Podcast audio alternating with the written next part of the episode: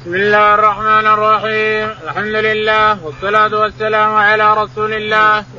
قال الإمام الحافظ أبو عبد الله محمد بن إسماعيل البخاري في صحيح كتاب البيع. باب ماكل الربا لقول لقول الله عز وجل. يا أيها الذين آمنوا اتقوا الله وذروا ما بقي من الربا إن كنتم مؤمنين. إلى قوله وهم لا يظلمون. وقال ابن عباس هذه آخر آية نزلت على النبي صلى الله عليه وسلم. قال رحمه الله دثنا أبو الوليد قال دثنا شعبان عن بن أبي جحيفة قال رأيت أبي اشترى عبدا رأيت أبي اشترى عبدا حجاما فسألته فقال نهى النبي صلى الله عليه وسلم ثمن الكلب وثمن الدم ونهى عن الواشم والموشومة وأكل الربا وموكله ولعن المصور. بسم الله الرحمن الرحيم الحمد لله رب العالمين وصلى الله على نبينا محمد وعلى آله وصحبه أجمعين. يقول الإمام الحافظ أبو عبد الله البخاري رحمه الله في صحيحه ونحن لا نزال في كتاب في كتاب البيوع. يقول رحمه الله باب مؤكل الربا لقول باب مؤكل الربا وقول الله تعالى يا أيها الذين آمنوا لا يا أيها الذين آمنوا اتقوا الله وذروا ما بقي اتقوا الله وذروا ما بقي من من الربا إن كنتم مؤمنين يقول ابن عباس هذه الآية آخر ما نزل من القرآن. آخر ما نزل من القرآن هذه الآية. يا أيها الذين آمنوا اتقوا الله وذروا ما بقي من الربا ولا تأكلوا الربا إن كنتم مؤمنين. يا أيها الذين آمنوا اتقوا الله. وذروا ما بقي من وذروا نعم يعني اتركوا. واتركوا ما بقي من الربا إن كنتم مؤمنين. يقول ابن عباس هذه الآية آخر ما نزل من القرآن. يعني فإن لم تفعلوا آخرها بعدها. فإن لم تفعلوا فأذنوا بحرب من الله ورسوله. إن لم تفعلوا وتتركوا فأذنوا بحرب من الله ورسوله. وإن تبتم فلكم رؤوس أموالكم لا وإن تبتم فلكم رؤوس أموالكم لا تظلمون ولا تظلمون.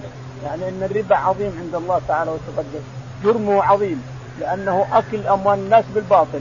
الربا أكل لأموال الناس بالباطل. يعني الخمر الإنسان يسكر لكن من نفسه إلى نفسه. أو يزني نعوذ بالله من نفسه لنفسه لا أو يسرق نعم يسرق أموال الناس. فهو مثل الربا.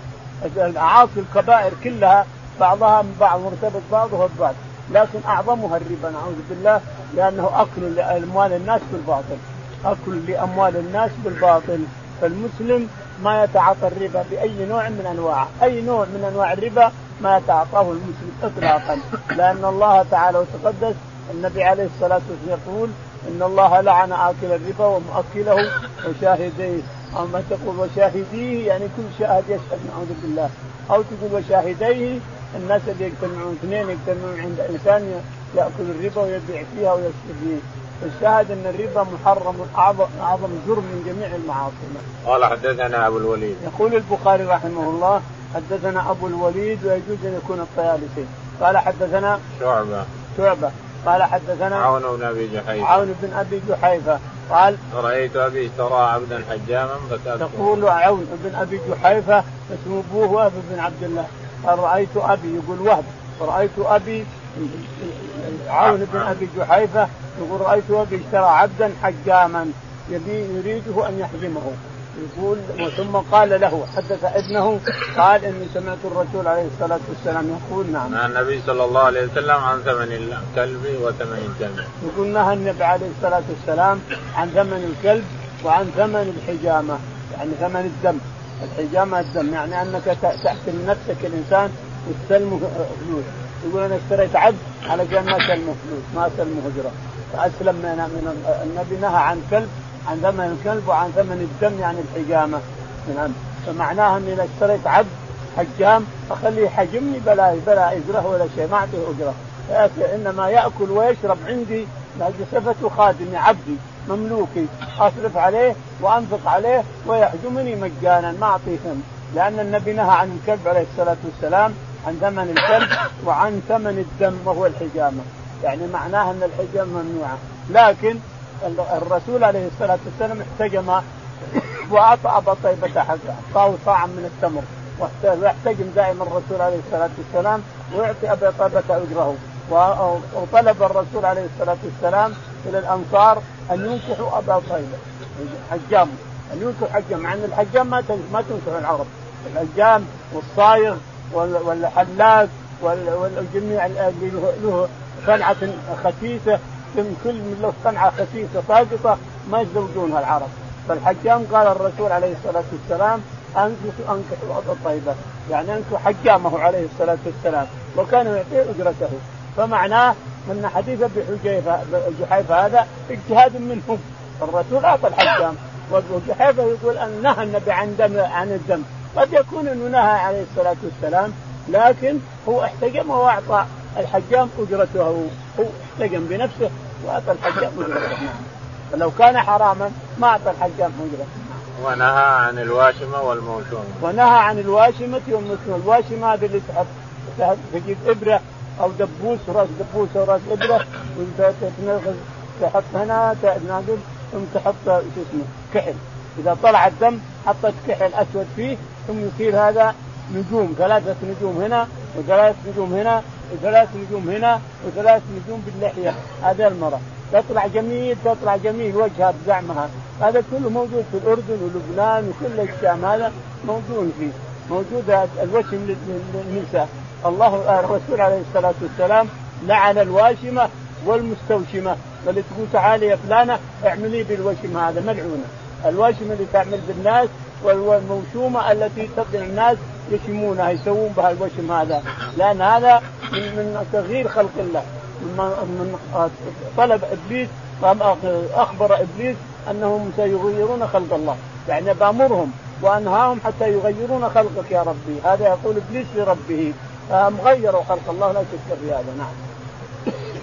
واكل الربا وموكل لأن حتى الوضوء ما يدرى ويصح وما يصح. لأن هذا اللي الدم اللي طلع نجس وبقي وجمد على الجلد. فكيف يصح الوضوء مع شيء دم النجس ما يجي ما يجي الجلد، الجلد الطاهر ما يجي إلى آخره، هذا كله نعوذ بالله حرام في حرام. و اكل الربا ومؤكله وآكل نهى الرسول عليه الصلاة والسلام عن آكل الربا ومؤكله. يعني اللي يعطيه. هو يأكل بنفسه ويعطيه غيره. نعوذ بالله. نعم. ولعن المصور. ولعن المصور أيضا. المصورين ملعونون في كتاب الله وفي سنه الرسول. لعن الله المصورين لعن الله المصورين. ملعونين المصورين. كل ما مصور ملعون إلى يوم القيامة. إلا أن تاب. إن تاب وإلا فيلقى ربه نعوذ بالله في جهنم. أحيي ما ما صور. احي ما خلق وإلا يعذب في جهنم. باب يمحق الله الربا ويربي الصدقات. والله لا يحب كل كفار أثيم. قال رحمه الله دثنا يحيى بن بكير قال دثنا الليث يونس بن شهاب قال ابن المسيب ان ابا هريرة رضي الله عنه قال سمعت رسول الله صلى الله عليه وسلم يقول الحلم منفقة للسلعة ممحكة للبركة. يقول البخاري رحمه الله باب يمحق الله الربا يمحق الله الربا ويربي الصدقات. يمحق لما قالوا ان إن البيع والصدقات لا البيع غير يمحقه الله ويجوز. ويربي الصدقات ويزكي الصدقات ويربيها يعني ينميها ويزيد الصدقات. يقول يقول البخاري حدثنا يحيى بن بكير. يحيى بن بكير قال حدثنا الليث بن سعد. الليث بن سعد قال حدثنا يونس بن يزيد. يونس بن يزيد قال عن ابن شهاب. عن ابن شهاب الزهري قال عن سعيد بن المسيب عن أبي هريرة. عن سعيد بن المسيب عن أبي هريرة رضي الله تعالى عنه أن النبي عليه الصلاة والسلام قال نعم. الحلف منفقة للسلعة ممحقة للبركة قال الحلف منفقة للسلعة ممحقة للبركة. يعني الإنسان اللي يحلف على سلعته هذه والله جاني في هذا. قال الكتاب بكم يا فلان؟ قال هذا جاني فيه والله جاني 20 والله جاني 15 والله جاني كذا. والله هذا سامو فلان وهو يكذب. لا لا جاء شيء ولا حد سامو ولا حد شيء. والشاهد أن الحلف منفقة يعني ينفق السلعة. إذا حلف قال والله كذا والله كذا. الإنسان يصدقه يحسبه صحيح ويأخذ الكتاب يعني إنه منفقة للسلعة. يعني تنفق السلعة يشتروها يشتروها الناس. إذا حلف اشتريتها. حلف. المسلم ما أظنه يكذب ولا أظنه ينفق السلعة. ما ما أعرف الشخص. وحلف. ما دام حلف يعني اشتريتها. فالحلف ينفقها. يعني خلي السلعة تشرى على كل حال. ينفقها ينفقها يعني يجريها. يمشيها على الناس يشترونها الناس إذا حلف. فالحلف منفقة للسلعة لكنه ممحق للبركه نعوذ بالله تجد تقع الفلوس بيده ثم تذهب ساعتها ما ما تجر بيده لأنها ممحقه للبركة. البركة ممحوقة مرة واحدة والسلعة تنفقها لكنها ليس فيها بركة. نعم. باب ما يكره من الحلف في البيع. قال رحمه الله دثنا عمرو بن محمد قال دثنا هشيم قال أخبرنا العوام بن إبراهيم عبد الرحمن عن عبد الله بن أبي أوفى رضي الله عنه أن رجلا اقام سلعته وهو في السوق فحلف بالله لقد أعطى بها ما لم يعطى ليوقع بها رجلا من المسلمين. فنزلت إن الذين يشترون بعهد الله وأيمانهم ثمنا قليلا. الآية.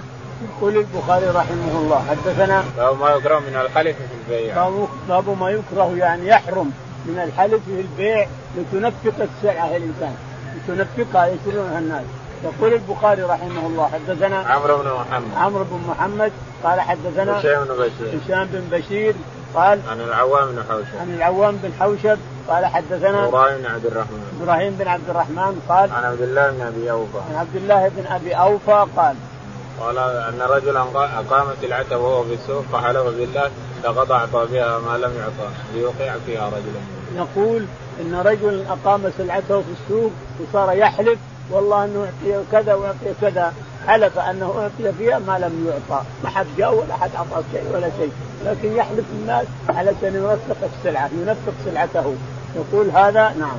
فنزلت إن الذين يشترون بعهد الله وإيمانهم فنزلت الآية. إن الذين يشترون بعهد الله وإيمانهم ثمنا قليلا أولئك لا خلاق لهم في الآخرة. نعم. أولئك لا خلاق لهم. ولا يزكيهم ولا ينظر إليهم ولا يزكيهم ولهم عذاب أليم. هذا الذي ينفق سلعته يحلف علشان ياخذونها الناس يشترونها الناس. هذا أعوذ بالله لا خلاق له في الآخرة ولا يكلمه الله ولا يزكيه ولهم عذاب أليم. أو عظيم باب ما قيل في السواق. وقال طاووس بن عباس رضي الله عنهما قال النبي صلى الله عليه وسلم لا يختلى خلاها. فقال العباس إلا الاذخر فإنه لقينهم فقال إلا الاذخر قال رحمه الله دثنا عبدان قال أخبرنا عبد الله قال أخبرنا يونس بن شهاب قال أخبرني علي بن حسين أن حسين بن علي رضي الله عنهما أخبره أن علي رضي الله عنه قال كانت لي شارف من نصيبي من المغنم وكان النبي صلى الله عليه وسلم اتاني شارفا من الخمس فلما أردت أن أبتنى بفاطمة بنت رسول الله صلى الله عليه وسلم واعدت رجلا سواقا من بني قينقاع ان يرتحل معي فنأتي بذخر أردت أن أبيعه من السواقين واستعين به في وليمة عرس.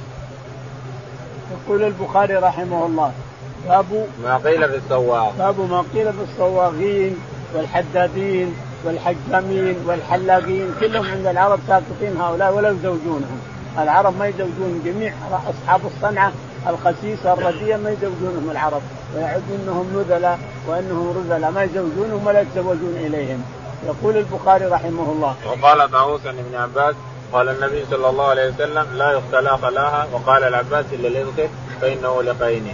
يقول قال ابن عباس يقول البخاري قال ابن عباس رضي الله عنه إن إن النبي عليه الصلاة والسلام لما حرم مكة وقال إن الله حرمها يوم خلق السماوات والأرض فلا يحل خلاها يعني حشيشه اللابس ولا حشيه ولا شجرها ولا صيدها.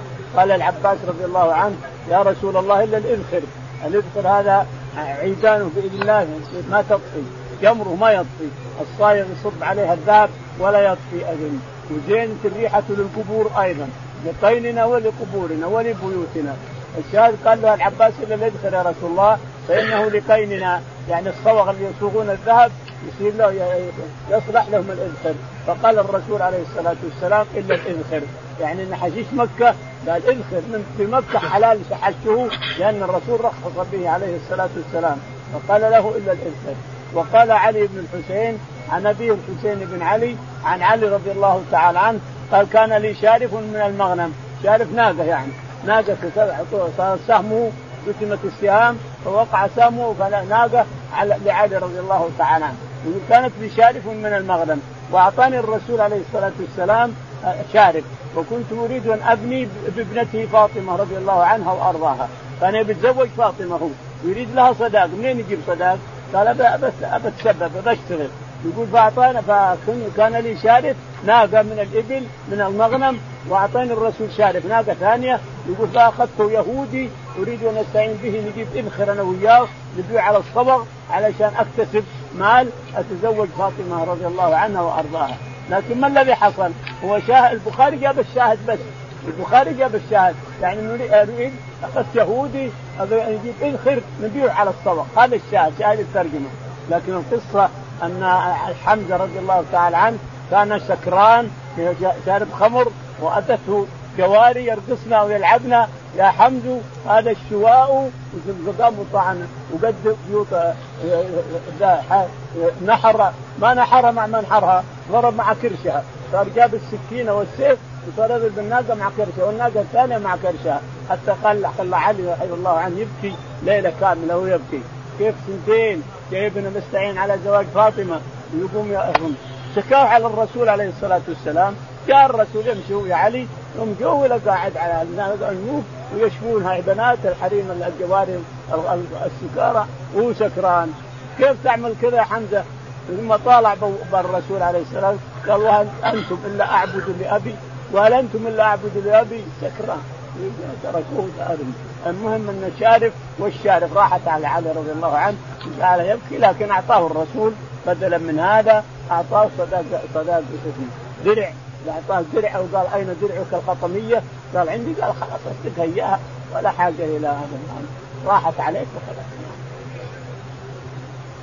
قال رحمه الله دثنا إسحاق قال دثنا خالد بن عبد الله عن خالد عن إكرمان بن عباس رضي الله عنهما أن رسول الله صلى الله عليه وسلم قال إن الله حرم مكة ولم يحل لأحد قبلي ولا لأحد بعدي وإنما أحلت لي ساعة من نهار. لا يقتل خلاها ولا يعضد شجرها ولا ينفر سيدها ولا يلتقط لقطتها إلا لمعرف.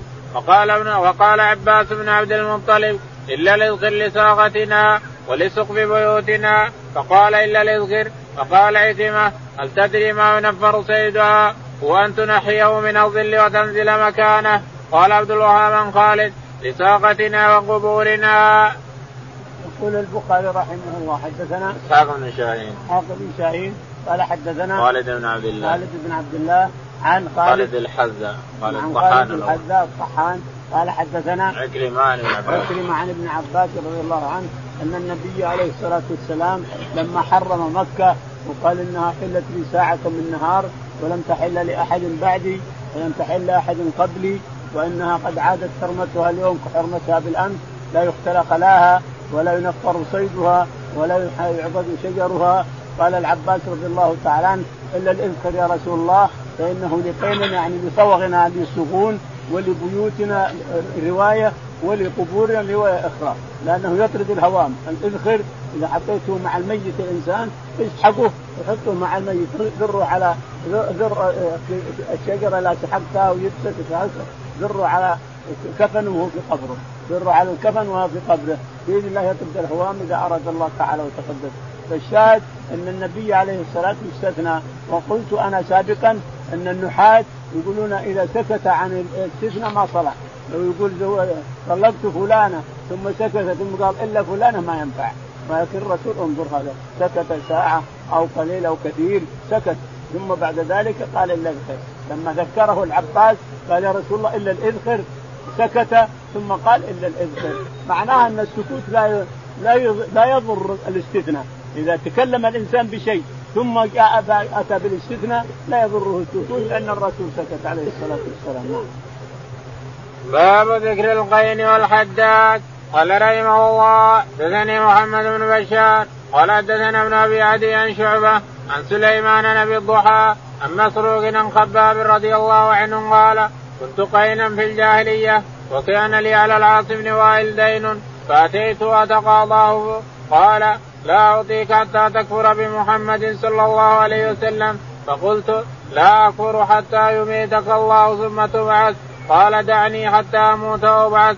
فسوتي فسوتي فسوتا مالا وولدا. فأقضيك فنزلت أفرأيت الذي كفر بآياتنا وقال لأوتين مالا وولدا. أطلع الغيب أم اتخذ عند الرحمن عهدا. يقول البخاري رحمه الله باب ذكر القين والحداد القين هو الغلام المملوك العبد المملوك الخالص قين مملوك خالص لك أنت يا الإنسان يسمى قين.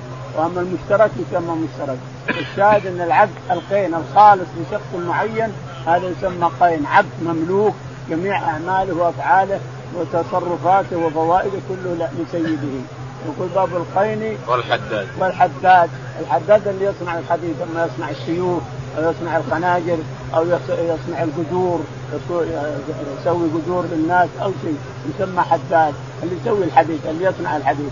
يقول البخاري رحمه الله حدثنا محمد بن بشار. محمد بن بشار قال حدثنا ابن أبي عدي. ابن أبي عدي قال حدثنا شعبة. شعبة قال عن سليمان. عن سليمان الأعمش قال عن أبي الضحى عن مسروق. عن أبي الضحى عن مسروق عن عن من قال عن خباب. عن خباب بن الأرت رضي الله تعالى عنه. خباب يقول كنت قائما أشتغل بالخيل أشتغل يقول بالذهب في الصوغة. أو أشتغل كذا يقول فاشتغلت شغلا للعاص بن وائل يعني أبو عمرو بن العاص والد عمرو بن العاص السهمي. والد عمرو بن العاص السامي العاص بن وائل السامي يقول اشتغلت له شغل وأتيت أتقاضاه أجرتي لاني استاجرت أنا وياه على كذا وكذا. وقال لا أعطيك حقك حتى تكفر بمحمد. فقلت لا أكفر بمحمد حتى يميتك الله تعالى وتقدس ثم يبعثك. قال دعني حتى يميتنا الله ثم يبعثني. فيأتيني ربي مال يأتيني أولاد يأتيني ثم أعطيك الساعة. يقول فأنزل الله تعالى وتقدس كلا قال أفرأيت الذي كفر أفرأيت الذي كفر بآياتنا وقال لأوتين مالا وولدا. أطلع الغيب أم اتخذ عند الرحمن عهدا؟ أعطاه الله عهد ولا أطلع على الغيب؟ لا أطلع على الغيب ولا أعطاه الرحمن عهدا. معناه ما له شيء كلام كلا سيكفر. أطلع الغيب أم اتخذ عند الرحمن عهدا؟ كلا سنكتب ما يقول ونمد له من العذاب مدا. ونرثه ما يقول ويأتينا الحال فردا. يأتينا عريان الحال ما لا ولد ولا أمن ويأتينا فردا. هدده الله بهذه الآيات التي نزلت على الرسول عليه الصلاة والسلام. نعم. باب الخياط.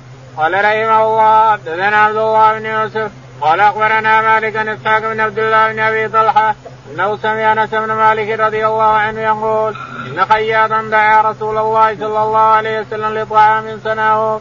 قال أنس بن مالك فذهبت مع رسول الله صلى الله عليه وسلم إلى ذلك الطعام فقرب إلى رسول الله صلى الله عليه وسلم خبزا ومرقا فيه دباء وقديد فرأيت النبي صلى الله عليه وسلم يتتبع الدباء من حوالي القفا قال فلم أزل أحب الدباء من يومئذ. يقول البخاري رحمه الله باب الخياط. أيضا الخياط مثل الحداد والصائغ وغيره. يقول باب الخياط. يقول البخاري رحمه الله حدثنا عبد الله بن يوسف. عبد الله بن يوسف. قال حدثنا مالك. قال حدثنا مالك الإمام قال حدثنا اسحاق بن عبد الله بن أبي طلحة. عبد الله بن أبي طلحة. قال عن أنس بن مالك. عن أنس رضي الله تعالى عنه قال إن خياطا دعا الرسول عليه الصلاة والسلام على طعام. هذا الشاهد خياط. الشاهد خياط يعني إنه يخيط الملابس يخيط الارجل يخيط كذا. فدعا الرسول على طعام عليه الصلاة والسلام فجاء الرسول إليه وانس بن مالك معه. يقول فقدم للرسول عليه الصلاة والسلام إدام مرق مرق أكثره دبة في دبة وفيه قليل من القديد يعني الوشيد اللحم الموشد. يبس حط لحم وشيد وفيه دبة يقول فرأيت الرسول في قصعة من الخشب. لاحظ من الخشب لأنه نجار هو.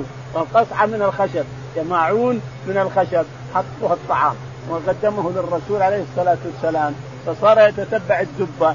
يقول أنا ما زلت أحب الدبة منذ ذلك اليوم. من يوم الرسول يتتبع الدبة من هنا ومن هنا ومن هنا ويأكل الدبة. وترك الوشيد لأن فيه لحم موشق وميبس بالشمس. الوشيد لحم يسمى قديد. تذبح غنمة ثم تقطع أوصال أوصال ثم تحط على حصير بالشمس. يسمى وشيد. ثم يابس بإذن الله. فإذا يبس ونشف حط معه ملح عشان لا يعفن. حط معه ملح. إذا يبس بإذن الله. وخذ كم يوم تحطه على الطعام يصير ألف طعام وأحسن طعام. تعالى الله وتقدم ألف طعام وأحسن طعام. بس حط عليه ملح يا إنسان على لا يعفن. تأكل منهم شهر شهرين. عاد أنت نصيبك. شهر شهرين ثلاثة. لكن من هذا من أجمل ما يكون. تحطه على الحب تحطه على الرز. فيحطوا على أي طعام بإذن الله الف طعام وأحسن طعام. فالشاهد الخياط هذا دعا الرسول عليه الصلاة والسلام فصار يتتبع الدبة، الدبة القرع، القرعه هذه زينة، بعض الدبة بإذن الله أحلى من السكر، بعض القرع أحلى من السكر، بعضها لها رقبتها معبكة كذا، وبعضها لا. دبة زي الحبحبة كبيره كذا، وبعضها لها رقبة طويلة وينعكها الرقبة عليها، كلها سوا. الشاهد ان أنس ما زلت أحب الدبه منذ ذلك اليوم.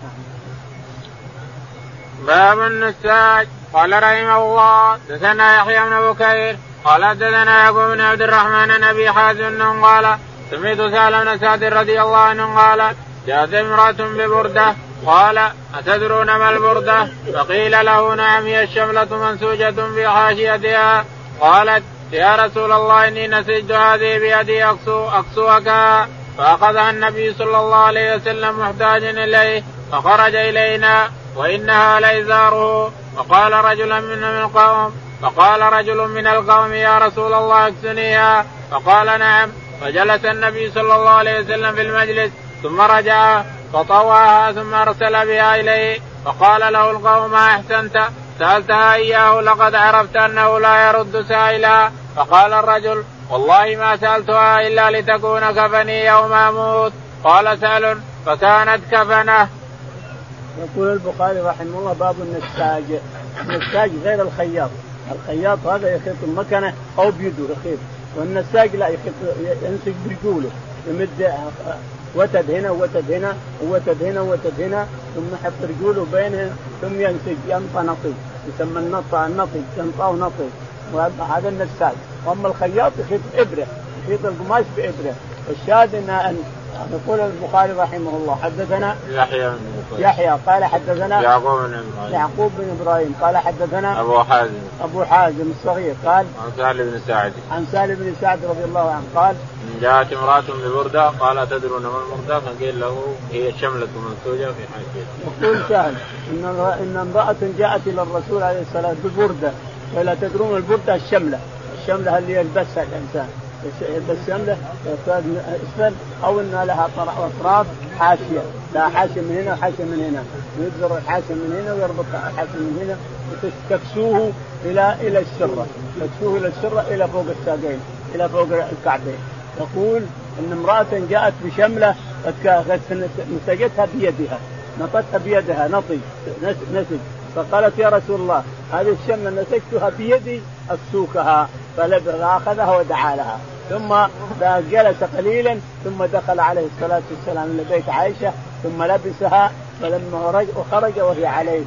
فقال رجل من الانصار أو من الصحابة لا أدري من المهاجرين أو من الأنصار؟ من الصحابة رضي الله عنهم يا رسول الله اكفنيها فكأن القوم شئموا هذه الكلمة وكرهوا هذه الكلمة. كيف تعطيها إياه عملتها بيدها تبيها للرسول ومحتاج إليها أيضا هو محتاج اليها يحط ازار له وتقوم تطلبها. لو هي عندك أعطيتها اياه ما تقوم تطلبها منه. هذا كلام الصحابة للصحابة رضي الله عنهم أجمعين.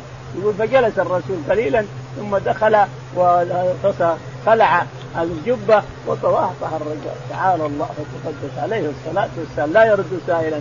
فقال القوم ألم تعلم أنه لا يرد سائل؟ لما تسأله إياها؟ قال والله اريدها كفني تصير كفني. لبسها هو ما دام لبسها أريد البسها أنا تصير كفني. يقول فصارت كفنا حتى ولو كفن. كان المفروض إنه ما يأخذها من الرسول بعد ما وصلته وهو محتاج إليها. لكن الصحابي له اجتهاد رضي الله عنه يريد أن يكفن بها كفن بها فعلا.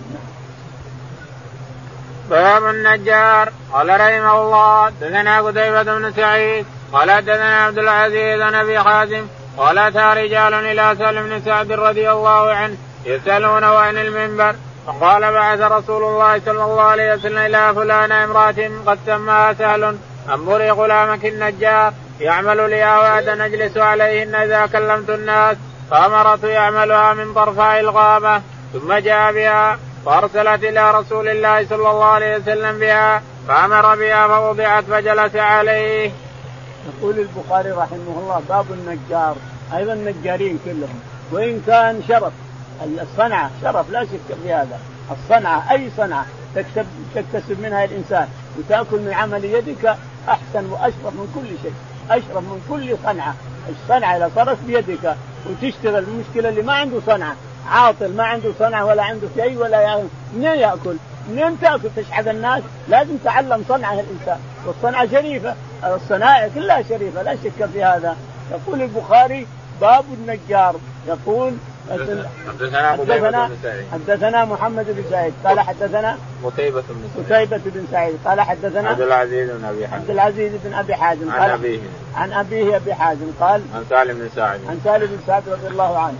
أنه سئل عن منبر الرسول عليه الصلاة والسلام فقال ما في أحد يعلمه غيري. أنا أعلم منين جاءت به. امرأة قالت للرسول عليه الصلاة والسلام إن عندي غلام النجار أريد أن أصنع لك منبر تسلم عليه الناس. وبعض الروايات في أبي داود أن الرسول هو اللي طلب لها طلب منها. أن يجعل غلامك فلان. هنا كمان. هنا كمان بعث رسول الله صلى الله عليه وسلم إلى فلانة امرأة قد سماها أمري غلامك النجار. أمري يعني غلامك. منبر على ثلاث درجات. وأوتي بالدرج وأوتي بالمنبر ووضع عند الجذع اللي كان الرسول يخطب عليه عليه الصلاة والسلام. فطلع عليه الرسول عليه الصلاة والسلام وكلم أنه طلع على ثنتين وبقي واحدة. طلع على ثنتين واحدة يقف عليها وواحدة يجلس عليها وواحدة يلقي ظهره عليها. لاحظ أن الجذع حنى حنين الجنب حنى حنين الصياح صاح يصيح جذع النخلة. صار يصيح صياح يوم زحف عنه وطلع على المنبر صار الجذع جذع النخلة يحن حنين يصيح صياح يسمعه كل حتى اللي باقصى المدينة يسمعونه. حتى نزل عليه الصلاة والسلام وضمه على صدره فصار يئن يئن مثل الطفل يتهدى هذا يهدى يهدى يهدى مثل الطفل. سبحان الله العظيم سبحان الله. ثم صار يخطب الناس على هذا المنبر عليه الصلاة والسلام من اعواد الطرفة. نعم.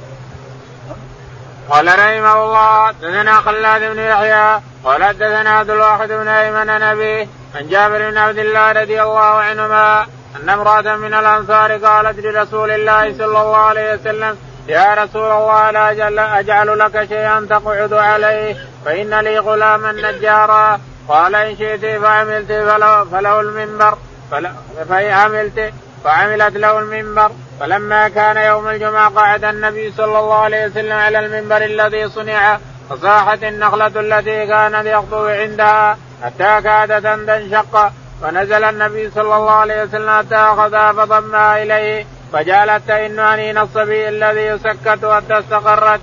قال قال بكت على ما كانت تسمع من الذكر. يقول البخاري رحمه الله حدثنا خلاد بن يحيى. خلاد بن يحيى قال حدثنا عبد الواحد بن أيمن. عبد الواحد قال حدثنا عن أبيه أيمن. عن أبيه أيمن قال عن جابر بن عبد الله. عن جابر رضي الله تعالى عنه أن امرأة قالت للرسول أو هو قال لها أو هي طلبت منه طلبت له منه أن غلاما لي نجارا أريد أن أصنع لك منبر تخطب الناس عليه يا رسول قال إن شئت. الغلام نجار غلامها نجار. يعني عندهم من غالب الصنائع ما يتخذها إلا المماليك. ما يصنع الصناعات ويأخذ الصناعات عند العرب إلا المماليك. المملوك ما يخالف يشتغل ويعطي أجرة لسيده ويبيع اللي يشتغلوا يبيع اللي يشتغلوا على حسابه ولكن يعطي كل شهر سيده أجرة. 20 درهم 30 درهم أجرة يعطيها سيده. والباقي له. يصنع الصنعة ثم يبيعها ثم يأخذ الفلوس له ويعطي سيده الإجرة اللي يتفق عليه وياها. الشاهد أنها طلبت من الرسول أن يصنع هذا الغلام له منبر فصنع منبر ثلاث درجات. فلما جاء الجمعة ووضع المنبر وطلع عليه الرسول عليه الصلاة والسلام ليخطب الناس قبل أن يتكلم صاح الجذع تعالى الله صاح الجذع صياحا حتى كاد أن ينشق من الصياح. فنزل الرسول عليه الصلاة والسلام واحتضن الجذع فصار يسكت كأنه يسكت صبي كأنه صبي يئن يئن يئن يسكت حتى سكت يقول سكت لما سمع من الذكر. يقول سفيان بن عيينه سكت لما سمع من الذكر فقد لما فقد من الذكر. نعم. باب شراء الإمام الحوائج بنفسه. قال وقال ابن عمر رضي الله عنهما اشترى النبي صلى الله عليه وسلم جملا بن عمر. واشترى ابن عمر بنفسه وقال عبد الرحمن بن أبي بكر رضي الله عنهما جاء مشرك بغنم فاشترى النبي صلى الله عليه وسلم منه شاة واشترى من جابر بعيرا قال رحمه الله دثنا يوسف بن عيسى قال حدثنا أبو معاوية قال حدثنا الأعمش عن إبراهيم عن الأسود عن عائشة رضي الله عنها قالت اشترى رسول الله صلى الله عليه وسلم من يهودي طعاما نسيه ورهنه درعة. يقول البخاري رحمه الله باب شراء الإمام الحوائج بنفسه. باب شراء الإمام الحوائج بنفسه، يعني الإمام ما يتكبر يقول أنا ما أشتري حاجتي ويرسل عبيد ولا يرسل كذا ولا كذا، يشتري بنفسه، الرسول عليه الصلاة والسلام كان هو اللي يشتري حاجاته وأبو بكر كذلك وعمر كذلك والخلفاء الراشدون. حتى وصلت الخلافة وصارت ملكا عظوظا صار ما صار تجي تجي حاجاته بالبيت بدون أن يشعر بها. إذا أراد شيء جاءه بالبيت بدون أن يرسل احد الشاهد يقول البخاري رحمه الله. وقال ابن عمر رضي الله عنهما اشترى النبي صلى الله عليه وسلم جملا من عمر. يقول ابن عمر عبد الله بن عمر أن النبي عليه الصلاة والسلام اشترى بنفسه جملا من عمر. وعمر اشترى من الرسول جملا مرة آخر. عمر اشترى جمل من الرسول عليه الصلاة والسلام وانتهى. وبعد أيام اشترى عمر من الرسول جملا أيضا واشترى آه، ابن عمر بنفسه. ابن عمر بنفسه نعم. وقال عبد الرحمن بن أبي بكر الصديق جاء مشرك بغنم فاشترى النبي صلى الله عليه وسلم منه شاة. وقال عبد الرحمن بن أبي بكر الصديق إن مشركا جاء بغنم فاشترى الرسول عليه الصلاة والسلام منه شاة من المشرك. لا بأس من يشترى مع المشرك إذا دخل في بلادنا في عهد معاهد مشرك في بلادنا أو كانوا في البلاد هم قبلنا أو شيء من هذا جاء بغنم اشترى الرسول عليه الصلاة والسلام منه شاة بنفسه. الرسول اشترى شاة بنفسه. و... و... و... ولم يأتي البخاري بمسألة الفرس. الرسول اشترى فرسا من أعرابي. فرس. جاءت بالسوق يبيعها في السوق الأعرابي فاشتراها الرسول عليه الصلاة والسلام بنفسه ب 400 درهم. اشترى فرس ب 400 درهم. فذهب عليه الصلاة والسلام يأتي بالدراهم بنفسه ذهب إلى حجرته يأتي ب 400 درهم. جاء الناس ما ظنوا أن الرسول سامها ولا معلمه فسموها فجابت له 500 درهم فباعها على واحد من الصحابة باعها ب 500 درهم. لما جاء الرسول عليه الصلاة والسلام بالدراهم قال بعتها كيف بعتها؟ قال بعتها ب 500 قال أنا اشتريتها منك 400 ومن عقد البيع خلاص ما قال ما ما اشتريت. يا قال أبدا ما بعتك ولا شريتك أنا بعت فرسي ب 400 قال قام خزيمة بن ثابت رضي الله عنه قال أنا أشهد يا رسول من يشهد؟ يقول الرسول من يشهد؟ من يشهد يا جماعة؟ قال خزيمة بن ثابت. أنا أشهد يا رسول الله. قال أنت حاضر؟ قال لا. قال كيف قد تشهد؟ قال نصدق خبر السماء. قال نصدق على الأعرابي. وسماه الرسول صاحب الشهادتين. سماه الرسول صاحب الشهادتين. شهد للرسول وهو لم يحضر. نشهد. نصدقك من خبر السماء يأتينا من السماء. تقول لنا من السماء. ولا نصدق الأعرابي انت اصدق من الأعرابي. الشاهد أن الرسول ترك الفرس للاعراب اللي شراها أو إنه تركها الصحابي اللي شراها تركها والرسول تركها أيضا. عقاب الاعراب بحيث كذب. الشاهد أن الرسول يشتري بنفسه عليه الصلاة والسلام وأبو بكر يشتري بنفسه وعمر يشتري بنفسه وعثمان يشتري بنفسه وعلي يشترون بنفسهم. كل جميع الخلفاء يشترون حاجاتهم بأنفسهم ولا يخطوا ولا يجلسون. لكن لما جاء الملك العظيم وجاء معاوية وجاء عبد الملك بن مروان ومن بعده جاء ابن مروان جاء ابن البعث صار مع انتقلوا إلى شيء آخر. باب شراء الدواب والحمير وإذا اشترى دابة أو جملا وهو عليه هل يكون ذلك قبضا قبل أن ينزل وقال ابن عمر رضي الله عنهما قال النبي صلى الله عليه وسلم لعمر بعنيه يعني جملا صعبا. قال رحمه الله دثنا محمد بن بشار قال دثنا عبد الوهاب قال دثنا عبيد الله وابن كيسان عن جابر بن عبد الله رضي الله عنه قال كنت مع النبي صلى الله عليه وسلم في غزاة فأبطأ به جملي واعيا. فأتى علي النبي صلى الله عليه وسلم فقال جابر فقلت نعم.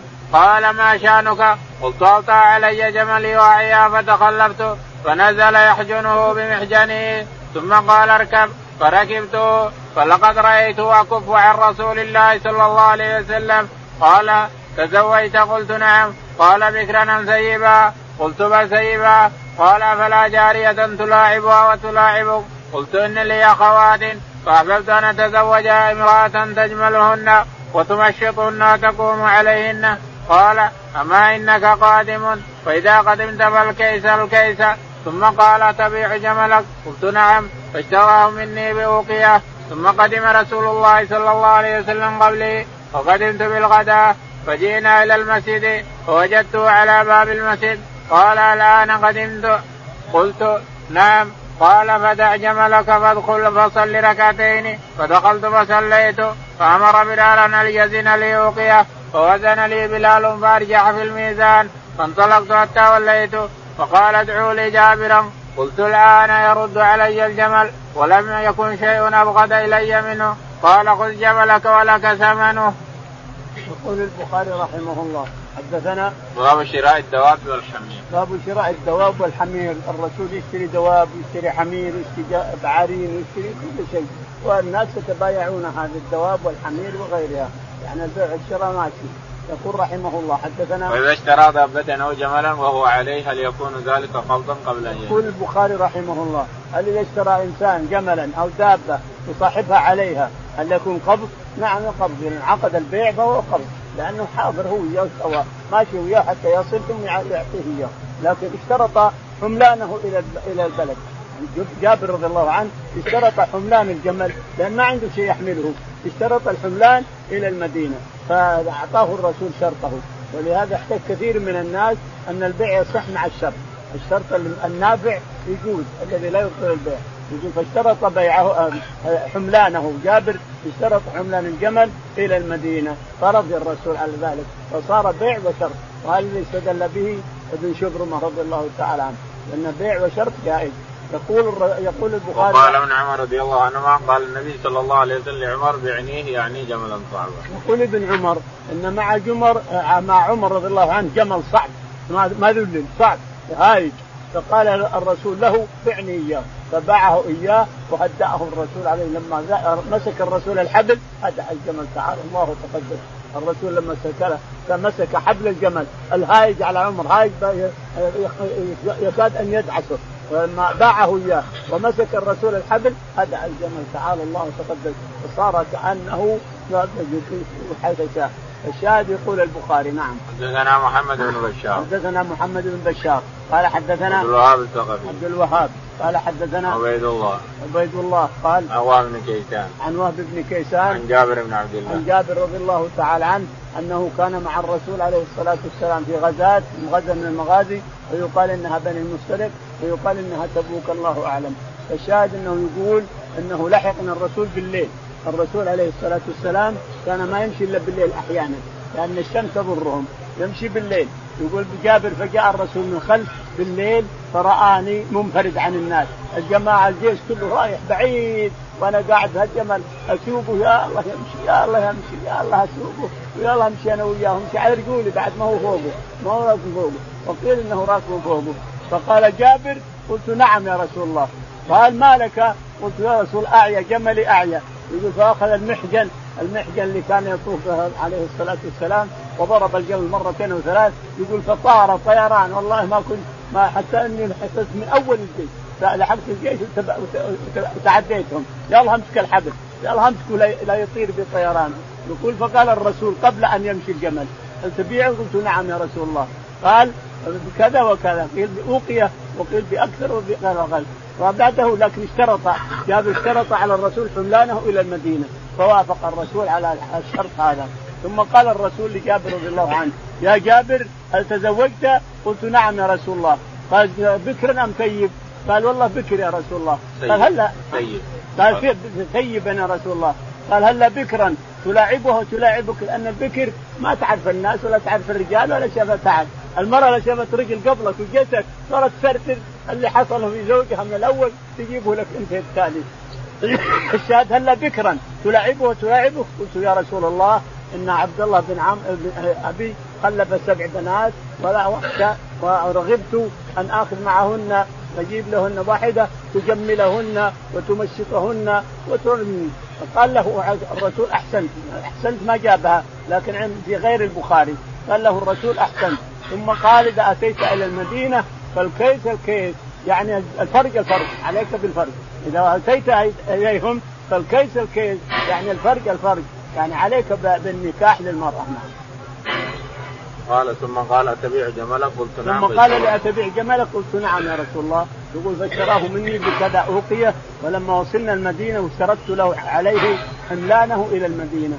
فلما وصلنا المدينة ذهب الرسول عليه الصلاة والسلام المسجد وعادته أول ما يذهب إلى المسجد ويصلي ركعتين من المسجد ويجلس للناس يقول فأتيته بالجمل وهو جالس الناس عند الباب فقال الآن أتيت جابر قلت نعم يا رسول الله. قال تعال يا بلال اعطيه أربع ما أدري أو أوية أو أكثر أو أقل ثمن الجمل. يقول فأعطاني ثمن الجمل وتركته عنده لكن لما اقضيت ناداني تعال خذ جملك. تقول وهذا كونه أكره الجمل ولا ودي إنه يرجع إلي. لكن خذ الجمل وخذ ثمنه كله. هذا إشارة إلى أن الله اشترى من المؤمنين أنفسهم. ربنا اشترى من المؤمنين يشير إلى أن آباك عبد الله بن عمرو بن حرام والدك اشترى ربنا منه نفسه بالجنة. الثمن الجنة ومزمن القتال القتل في سبيل الله ليخبره أن الله اشترى أنفس المؤمنين منهم بالجنة وأن الله أعطاهم الجنة مع ان أعطاهم الخير الكثير نعم. باب الأسواق التي كانت في الجاهلية. اللهم اهدنا فيمن هديت وعافنا فيمن عافيت وتولنا فيمن توليت. اللهم توفنا مسلمين والحقنا بالصالحين رب العالمين.